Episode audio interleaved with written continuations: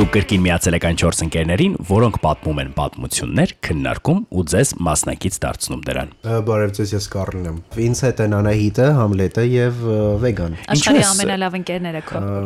Չգիտեմ հա։ այդ առավ, բայց շատ տխուր է այսօր Կարլը։ Ինչ է եղել, սիրելի Կարլ։ Ինչպես նկատեցիր, որ ինձ դավաճանել են համ։ Իրականում ինձ հետաքրքիր է ինչու վեգան ծիծաղեց։ Որովհետև գիտեիր։ երբեք չէի լսել նման բան Աստված իմ վայ վայ վայ Ա, Դե հա, ինձ դավաճանել են։ Ես իհարկե մանրամասն չեմ պատմի, բայց թեմա գցեցի ձեր ձեր բերանը, խնդրում եմ ծամեք։ Ինչու մանրամասն չես պատմի։ Նա ունի անձնական կյանք ունենալու իրավունք Համլետ։ Ոնց ես Կարլ։ Պատմիր մեզ, խոսիր մեզ հետ։ Ինձ զգում եմ այնպես, ինչպես կարծես թե ինձ դավաճանած լինեն Սելյանահիտ։ Չգիտեմ ինչու։ Ես չգիտեմ ինչու ենք մենք ծիծաղում։ Ունեցեք Կարլի նման ընկերներ։ Ողբերգության ասենք, Մարդը տխուր եկել է, ձեզ հետ կիսվում է, որ դուք հրհրակ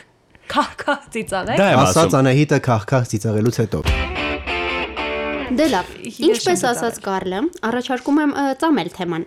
նախ փոքրիկ հարց որ առաջարկում եմ քննարկել իսկ ով է որոշում ինչն է դավաճանություն ինչը ոչ օրինակ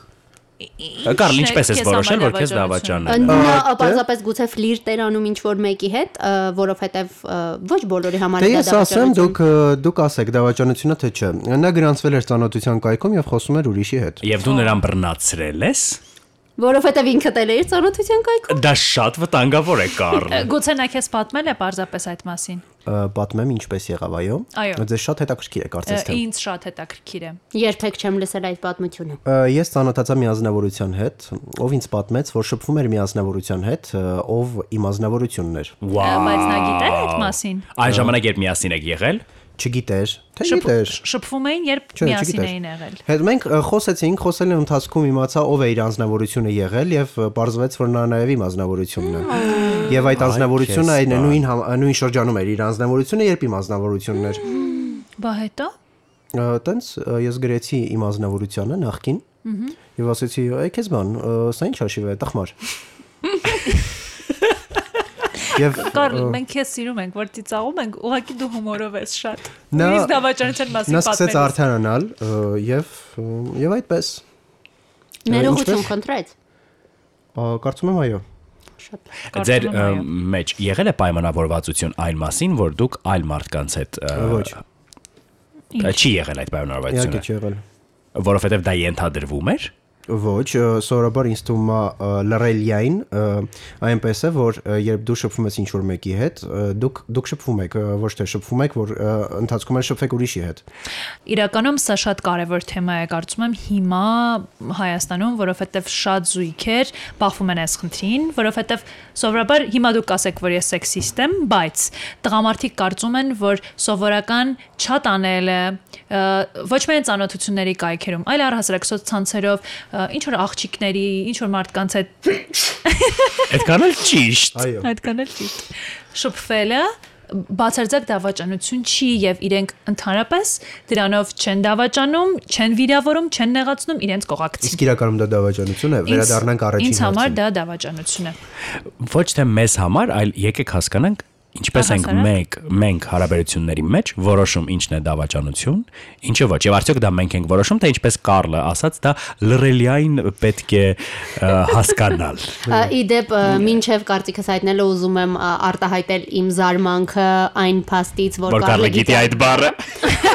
Եվ այնուհետև կարծում եմ, որ դա արդեն իսկ սխալ մոտեցում է, որովհետև կարծում եմ սա նույնպես գալիս է այնտեղից, որ մենք հաճախ զույգում շատ բաներ չեն քննարկում։ Գուցե պետք է զույգը քննարկի եւ որոշի թե իրեն զույգում ինչն է համարվում դավաճ- դավաճանություն, ինչը ոչ։ Չգիտես, օրինակ, երբ դու ինչ-որ մեկի հետ սկսում ես շփվել, դու չես պայմանավորվում, չէ՞ որ ձեր շփման ընթացքում դու կարող ես շփվել ուրիշի հետ։ Դա ենթադրվում է։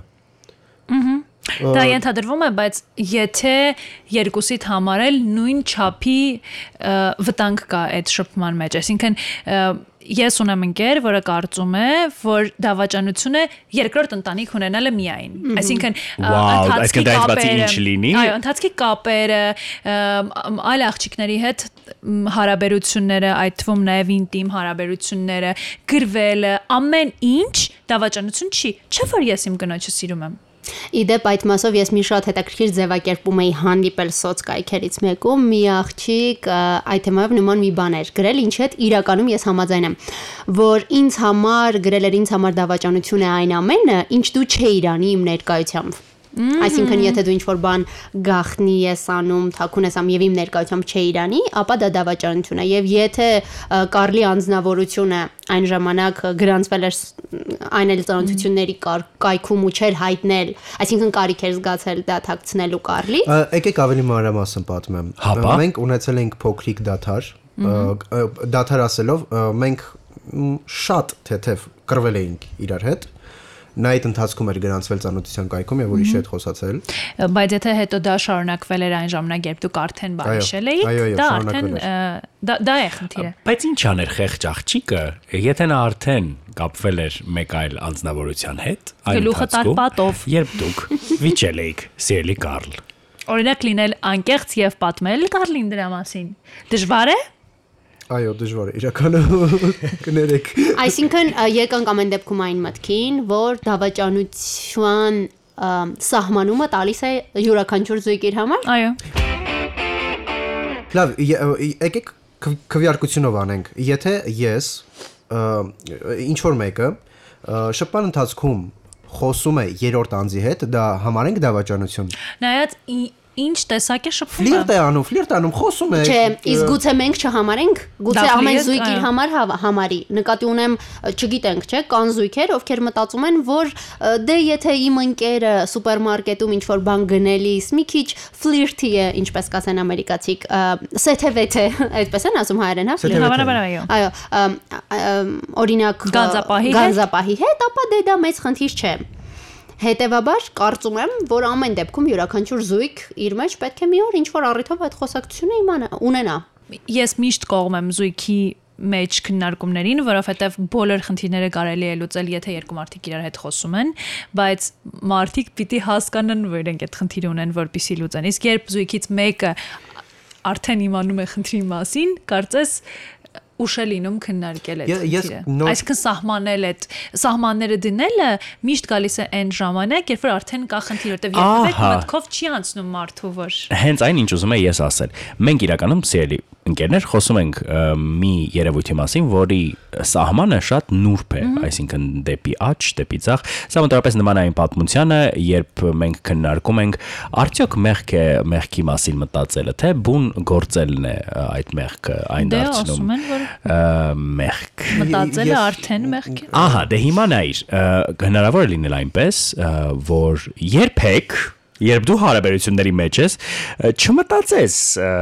այլ անձնավորության որևէ մակարդակի ներկայության մասին քո կյանքում։ Սիրելի Կարլ, դա հնարավոր է,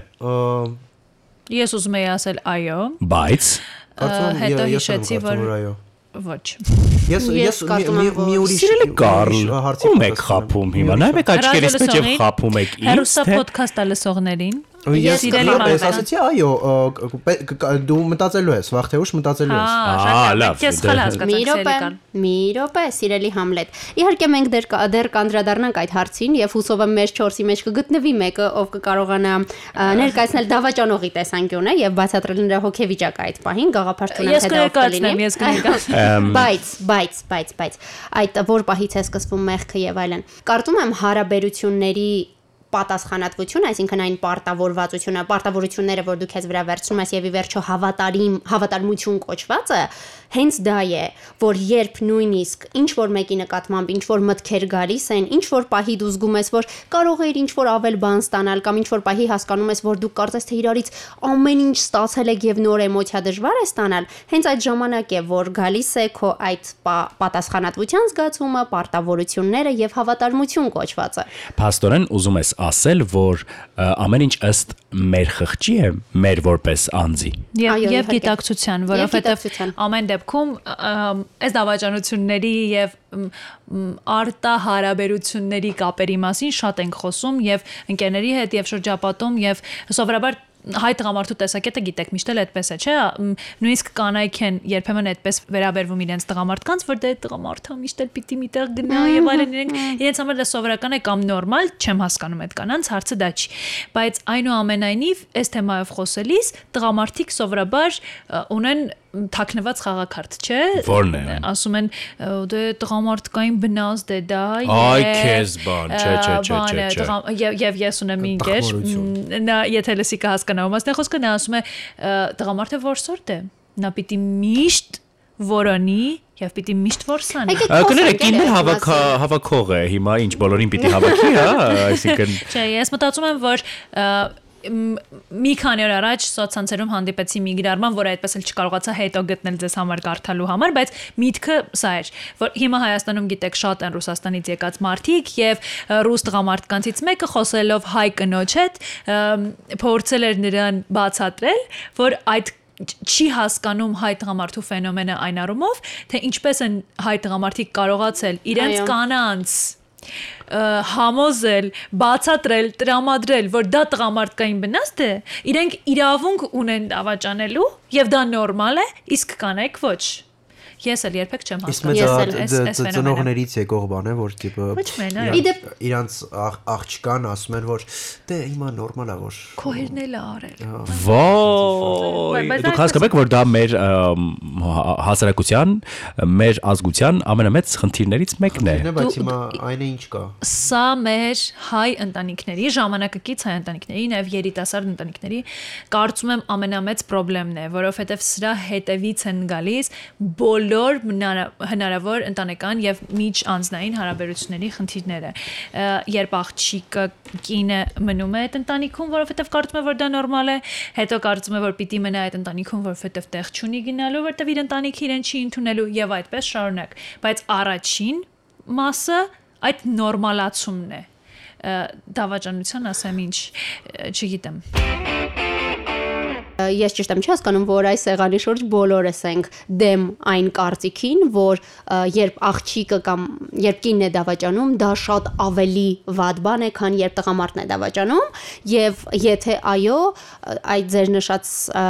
երևույթը, հա, որ տղամարդկանց դավաճանությունը նորմալիզացված է ով է դրանում մեղավոր. մեր հայրերն ու պապերը որոնք դա համոզել են մեր մայրերին ու տատիկներին թե նրանք որ համոզվել են եւ մեր կանայք են մեղավոր ես կարծում եմ եւ առհասարակ մարդը արժանանում է ինչ որ վերաբերմունքի ինքն է իր սահմանները գծողը եւ ինքն է թույլտվություններ տվողը բայց հետաքրքիրն այն է որ քո ասած հարա- հարաբերակցությանը մեղքի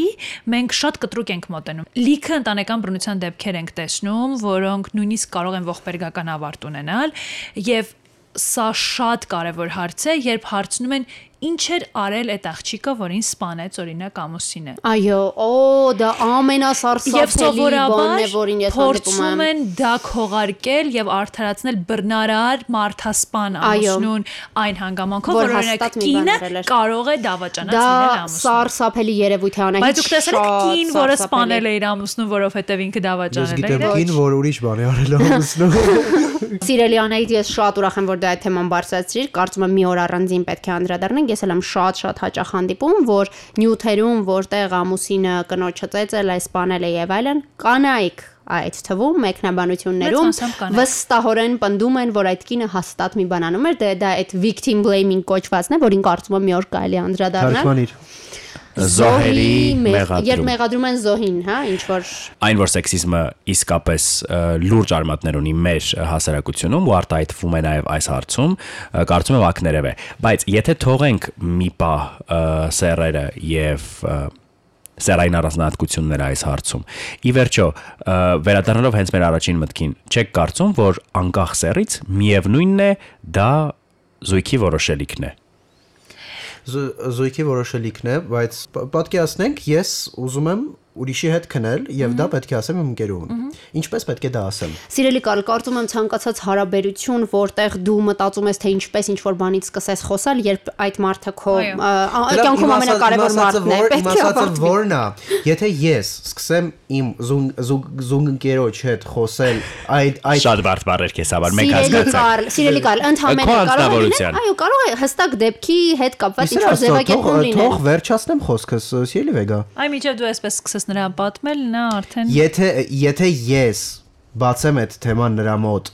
դա արդեն իսկ չի առաջացնի ճեղք մեր հարաբերություններում ու չի դառնա Ես այդպես չեմ հասուն եք կարծում։ Այո, ես այդպես չեմ կարծում, որովհետև ես բավական խանդոտ մարդ եմ եւ շատ սեփականատեր, ես չեմ կարող իմ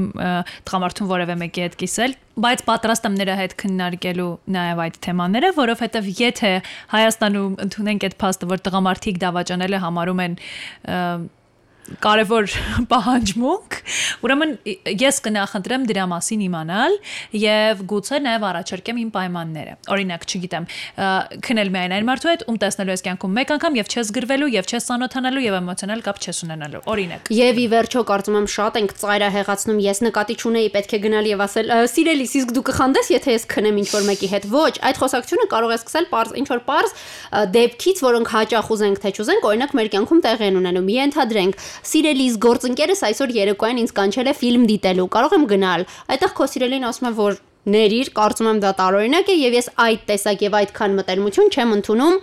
գործընկերոջդ հետ այդտեղից կարող է բացվել խոսակցություն եւ դուք քննարկեք առհասարակ ինչն է ընդունվում, ինչը ոչ պարտադիր չէ, սիրելի կարլ ամեն ինչ գնալ եւ այդպես ուղիղ ասել։ ու սիրելիս այսօր իմ գործընկերը կանչել է քնելու կարող եմ գնալ Այսինքն դու մի քիչ շատ ծայրահեղ եւ չոր ես պատկերացնում։ Ի վերջո դա մարդ է, ում հետ դու նոն-ստոպ շփվում ես, խոսում ես, ամենահարազատ մարդն է եւ չպետք է այդքան տարօրինակ լինի ինչ որ բան քննարկելը։ երբ ես սիրում եմ իմ այդ Ազնվորությանը։ ազնվորությանը եւ այնքան եմ սիրում, որ գիտեմ, եթե ես այդ թեման բացեմ, շատ վատ Եթե է այդքան լինելու։ ես սիրում, որ պիտի այդ թեման չբացես, ուրեմն պիտի մտքովդ էլ չանցնի դավաճանելը։ Բայց ես ուզում եմ դավաճանել։ Ուրեմն դու բավականաչափ չես սիրում։ Սիրում եմ բավականաչափ, Դե դրա համար էլ չեմ բացում այդ թեման եւ քնում եմ առանց նրան ասելու։ Վաու։ Եվ դու բողոքում ես, որ քեզ դավաճանել Ես ես ես իմ ես միջին վիճակագրական տղայի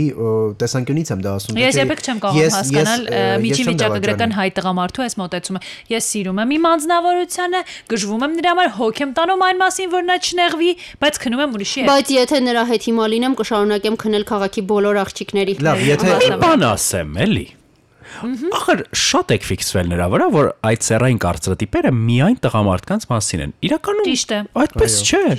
Այդ նույն կարծրատիպերը կան նաև կանանց մասին եւ նույն տեքստերը կապված նրա հետ, որ կան կանայք, որոնք պտտվում են իրենց ամուսինների վրա։ Սխալ չընկալեք սիրելի ոդկասթա ռադիո լսողներ, հերոստա ռադիո լսողներ։ Ամ, Կան այդ մտքերը։ Եվ այդ շատերի մասին եւ այդ կանայք նրանք գոյություն ունեն իսեր աստծո Եվ կան այդ տեսակ կանայք, ինձ համար մի քիչ ավելի զարմանալի է կնոջ դավաճանությունը։ Չեմ կարող, չեմ կարող։ Գիտես ինչու, որովհետև ես կին եմ եւ հասկանում եմ կնոջը։ Տղամարդուն դժվար եմ հասկանում։ Դրա համար հարցնում եմ ձեզ։ Ես կարծում էի, որ կանայք մեկի հետ էմոցիոնալ կապ ունենալով չեն կարող մտածել մեկ այլ մարդու մասին, առավել եւս չեն առավել եւս չեն կարող քնել այդ մարդու հետ կապ ունի այդտեղ սերը, ախր ինչ կապ ունի այդտեղ սերը։ Կան տղամարդիկ, որոնք երբ սիրում են ինչ-որ կնոջ, այլևս ուրիշ ոչ մեկի հետ չեն պատկերացնում որևէ տեսակ բան։ տղամարդիկ։ Այո, կան։ Հարց։ Այ քեզ բանա։ Խնդրում եմ Ես ուզում եմ հանդիպել այդ տեսակ մի տղամարդ։ Քանի որ մենք առաջին էպիզոդում ոդքասթի որոշել ենք, որ լինելու ենք շատ անկեղծ, եկեք լինենք անկեղծ։ Այո, Սելի Վեգա, ես դավաճանել եմ։ Շատ լավ, սիրելի Համլետ, խնդրում եմ պատմիչ։ Եվ մինչև պա- պատմելը ը, անդրադառնամ Անահիտի մտքերից մեկին, որ հնչեց կապված նրա հետ, որ եթե մենք եթե մեզ դավաճանում են կամ այն ինչ որ մեզ հետ կատարվում է, ուրեմն մենք դա թույլ ենք տվել։ Մոտավորապես այո։ դա էր կարծեմ միտքը ես այդքան էլ համաձայն չեմ Անահիտի այդ տեսակետի հետ որովհետև կարծում եմ որ մենք շատ հաճախ կարող ենք դիմացի մարդու նկատմամբ մեր անձնավորության ինչպես սիրում է ասել Կարլը ունենալ շատ ազնիվ նկարտումներ, մղումներ, միտումներ, բայց ամեն դեպքում հարաբերությունը շատ երկար տարիների ճանապարհ է, որը մենք անցնում ենք եւ կարող ենք կյանքի տարբեր փուլերում տարբեր կերպ նորովի, ինչպես ասում են, բացահայտել մարդուն եւ պարտադիր չէ որ դա լինի դրական կողմից։ Հետևաբար մենք ինքներս մեզ ապահովագրել դիմացի մարդու այս կամ այն վարվելակերպից իրականում չենք կարող եւ այս առիթով հիշենք այո ինձ։ Վեգա, արել դու։ Այ դավաճան։ երիտասարդ տարիներին երբ ես Համլետ 25 տարեկան։ ես Համլետը միշտ ինձ համար 23 երբ էր ինձ մի կոնկրետ վարքյան, ժամանակ խնդրում եմ լսեք մինչև վերջ։ Ուրեմն մարդը հանրային կերպով քաջություն ունի ասել ասել, որ դավաճանել է, իսկ դուք ծաղրում եք նրան։ Մենք ծաղրում ենք, մենք ծաղրում ծաղրում, ընդամենը երբ ասած երիտասարդ տարիներին մի տեսակ Ուզում էր ասել դա վաղուց է ունեցել։ Ինչու եմ ասում երիտասարդ տարիներին, որովհետև ես համարում եմ, որ այդ ժամանակ ես գիտակցական առումով շատ թեր հասեի,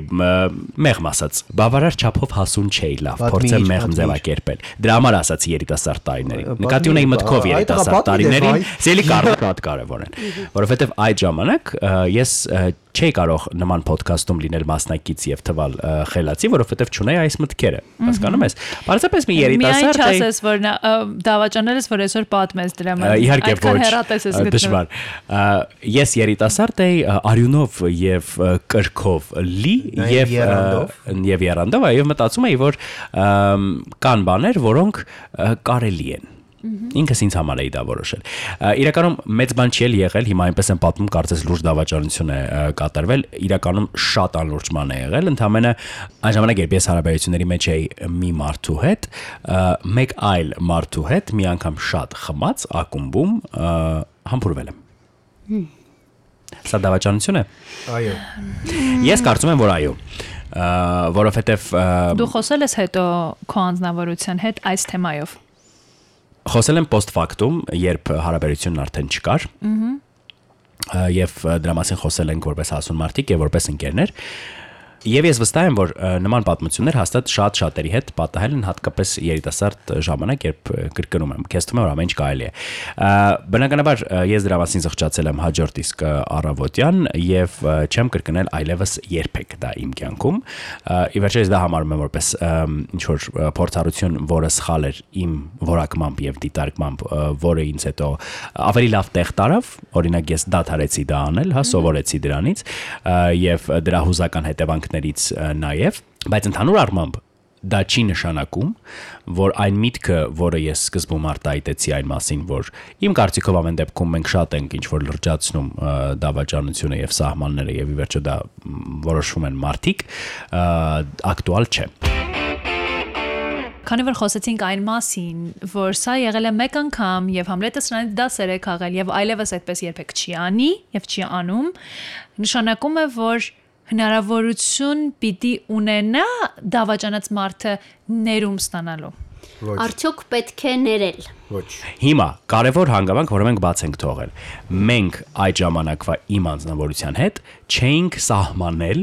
Այո։ մեր սահմանները, հա? Այսինքն մինչև այդ դեպքը չեղավ, ասում է, սա ենթադրվում է Համլետ։ Նա պիտի քեզ ուղիղ տեքստով չասեր։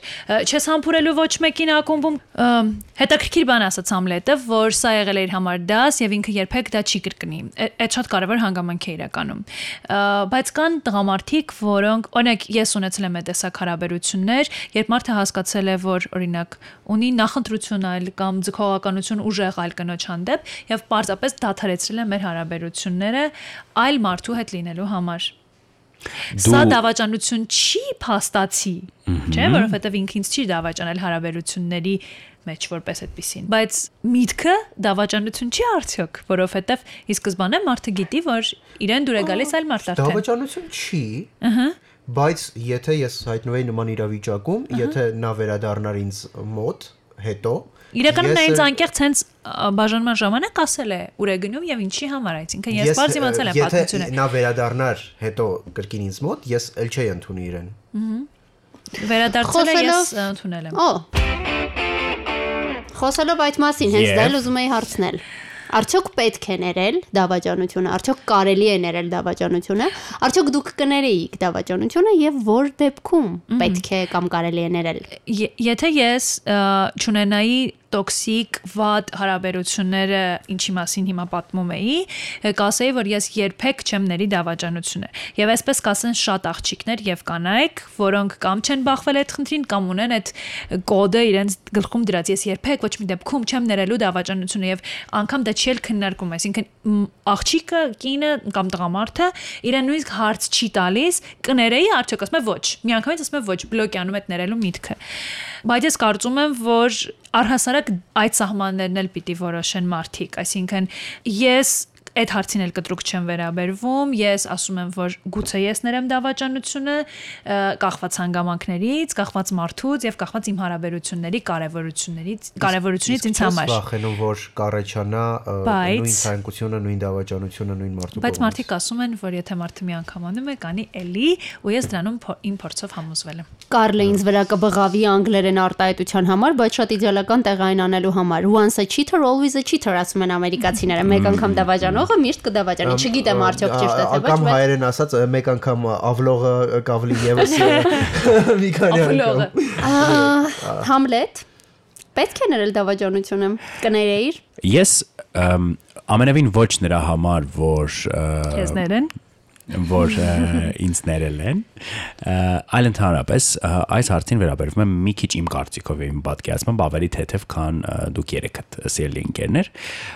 Գուցե որովհետև մեզ երեքից դավաճանել են, իսկ քեզ ոչ եւ հակառակը Իսկ դու ես դու դավաճանել։ որտեղից գիտես, որ ինձ չեն դավաճանել։ Դու կասեիր այդ մասին մեզ։ Ես կարող եմ հենց հիմա պատմել նաև այդ պատմությունը։ Շնորհակալ եմ պատմիչ։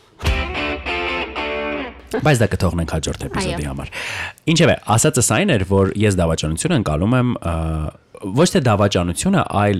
այն հույզերը, կրքերը եւ մնացած բոլոր բանիկները, որոնք կատարվում են մեր հոգում եւ մարմնում, որպես կյանքի եւ մարդու մի մաս, որը անքակտելի է եւ հնարավոր չէ մերժել։ Ես ընդունում եմ, որ մարդիկ կան եւ կան նաեւ այդ մարդկանց անդադար փոփոխվող ցանկությունները։ Դրա համար ինձ համար այդ սահմանը, որ օ նա դավաճանեց եւ կրկին կանի կամ հանկարծ չներենք, որովհետեւ մեկ անգամ դավաճանեց ելիք դավաճանի եւ այլն, մի քիչ ավելի հեխեղուկ է։ Այն առումով, որ ինձ համար ի վերջո կարեւոր է ընտրությունը, որը մարդը կայացնում է այս կամ այն փուլից հետո հոգուտ ինձ կամ մեզ կամ ոչ հոգուտ մեզ։ որ ասում էի ամեն մարդ ինքն է որոշում իր հետ ինչպես են վերաբերվում դիմացի մարդիկ, չէ՞։ Հենց նրա մասին է։ Եթե ես ներում եմ դավաճանությունը մարդուն, ով դավաճանել է, ինքը արդեն հասկանում է, որ ես կարող եմ եւս մեկ անգամ ներել, եւս մեկ անգամ, եւս մեկ անգամ։ Դրա համար դու պիտի ես ընտրես ում ես ներում այդ դավաճանությունը։ Հենց այդ եմ ասում, կներեմ այն դեպքում, երբ արդեն կնայեմ հանգամանքներին։ Այո, ես էլ եմ ամեն դեպքում կարծում եմ վերջերս բնականաբար ես էլ ինձ նույն հարցը բազմիցս տվել եմ, արդյոք հնարավոր է դա ներել, արդյոք պետք է կամ կարելի է, եւ ես էլ եմ համաձայն, որ ամեն դեպքում հանգամանքները շատ կապ ունեն։ Որքանով է որոշումը գիտակից եղել, որ ինչ հանգամանքներ, որովհետեւ երբեմն լինում է, չէ, օրինակ անկեղծ լինենք, Համլետի դեպքը ի վերջո մենք ը, մթագնես գիտակցության հետ գործ ունենք, եթե լրիվ անկեղծ, եթե ամբողջովին մանրամասնենք, հա, այսինքն երբեմն լինում են նման դեպքեր, երբ մարդը, չգիտեմ, առավոտյան զարթնում է, հասկանում է ինչ որ մեկի անկողնում է ներողություն իհարկե մանրամասների համար։ Ես կարծում եմ օրինակ, չգիտեմ, արդյոք պետք է այս դավաճանությունը դնել եւ համեմատել այն մարդու հետ, որը տարիներով սիրուհի է պահում եւ գիտակցված եւ իր կնոջից դաթակցնում է եւ արդյոք ներելիս երկու դեպքին էլ պետք է միանման վերաբերվել եւ երկուսն էլ ուղակի ասել դավաճանություն ու վերջ։ Չգիտեմ, կարծում եմ հանգամանքները եւ տարբեր այլ նյուանսներ ամեն դեպքում կապ ունեն։ Այո։ Ասիլի ընկերներ, իսկ դուք չեք ցանկանում հարցնել, ներել եմ ես արդյոք իմ ազնվորությանը Հապա, հապա։ Դու ասացիր, որ նախքին են հարաբերություններն արդեն հետեւաբար դու չես ներել նրան։ ներել եմ։ Եվ? Հոգու խորքում։ Ես իհարկե ներել եմ, ոչ, ներել եմ, բայց մենք հիմա շատ լավ հարաբերությունների մեջ ենք, որպես բայց- ընկերներ որպես ընկերներ, ես իրեն լայն աչքով չեմ նայում, ինչով կնայի ինչ դավաճանություն։ ազդեցություն ամեն դեպքում թողել է։ Սիրելի կար, երբ ասում ենք ներել, կարծում եմ նկատի ունենք ներել եւ շարունակել հարաբերությունները, թե չէ ուղակի ներել, կարող ես ուղակի մարդուն ներել, բայց նա էլ դու քո կյանքում նույն ձևաչափով չլինի։ Կարող ես ներել, զուտ ներել եւ չշփվել, Բայց վեգայի ասածը շատ կարևոր է։ Եթե մենք որոշում ենք ի վերջո ներել դավաճանությունը, անհավատարմությունը եւ փորձում ենք առաջ շարժվել սա ինչպես է ստացվում, որովհետև շատ կարևոր է դրանից հետո եկող փուլը։ Ես կարծում եմ, որ եթե այս տեսակ դեպք է տեղ ունենում, զույգերը անպայման պիտի դիմեն մասնագետի, որպեսզի կարողանան առողջ ու լավ հարաբերություններ կառուցել։ Ա, Դա առհասարակ հնարավոր է դավաճանությունից հետո։ Օրինակ եղել է դավաճանություն, եղել է գիտակցված, չենք խոսում հա մթագնած ինչ որ ուղեղի մասին։ Օրինակ ես էլի վերջերս այդ թեմայով խոսել մտածելիս հասկացա, որ իսկ ինչ եթե դեմ գնա այ օրինակ Անահիտ ասաց չէ որ ոմանց ուղեղում դա կոդի պես դրած է եւ իրոք կան մարդիկ ում համար դա ինչ որ շատ սկզբունքային մի բան է հա ինչ եթե այդ պահին դեմ գնաս քո սկզբունքներին ներես այդ մարդուն ու հետո ամբողջ կյանքում չներես քեզ որ դեմ գնացիր քո սկզբունքներին Դա հնարավոր տարբերակ է եւ այդպես հաճախ է լինում։ Ի վերջո, այդ մեղքի կամ քեզ այդ չհամաձայնելու ներքին այդ կռիվները տան հնազանդություն դիվերջո բերում են նրան որ միևնույն է այդ հարաբերությունները ի վերջո կավարտվեն այսինքն հիմքը կլինի իհարկե դավաճանությունը բայց մի քիչ ավելի հերավար Որպես այդ գրություն, քանի որ մեր ոդկասթը բարձվեց շատ թերապևտիկ նշանակություն ունի, ինձ համար եւ գուցե մեզ համար, ես մի պատմություն հիշեցի։ Մի անգամ, երբ ես իմ նոր ընկերուհու հետ դեռ նոր էի հարաբերությունների մեջ, նա ինձ անգարեց ու ասաց, որ գիշեր էր։ Իդեպ ասաց, իսկ ես բանն եմ պատմելու, ասացի ինչ է եղել նոր տարի էր, ասաց ես նոր տարուն հյուր էի եւ շատ խմած ժամանակ համբուրվել եմ մի տղայի հետ ու սկսեց մի անգամից արդարանալ առանց ինձ լսելու։ Մոտավորապես մի 10 րոպե արդարանում էր, որ խմած էր եւ այլն եւ այլն եւ այլն։ Ամ ես լսեցի ու ասեցի շատ լավ։ Իսկ դու նկատի ունեիր այն ինչ որ արեցիր։ Ասաց ազնվությամբ ոչ։ Ասացի դե մոռանանք։ Այսօր մենք բավականին երկար ու շատ սիրուն հարաբերությունների մեջ ենք եղել եւ բաժանվել ենք ամենևին ոչ դավաճանության պատճառով։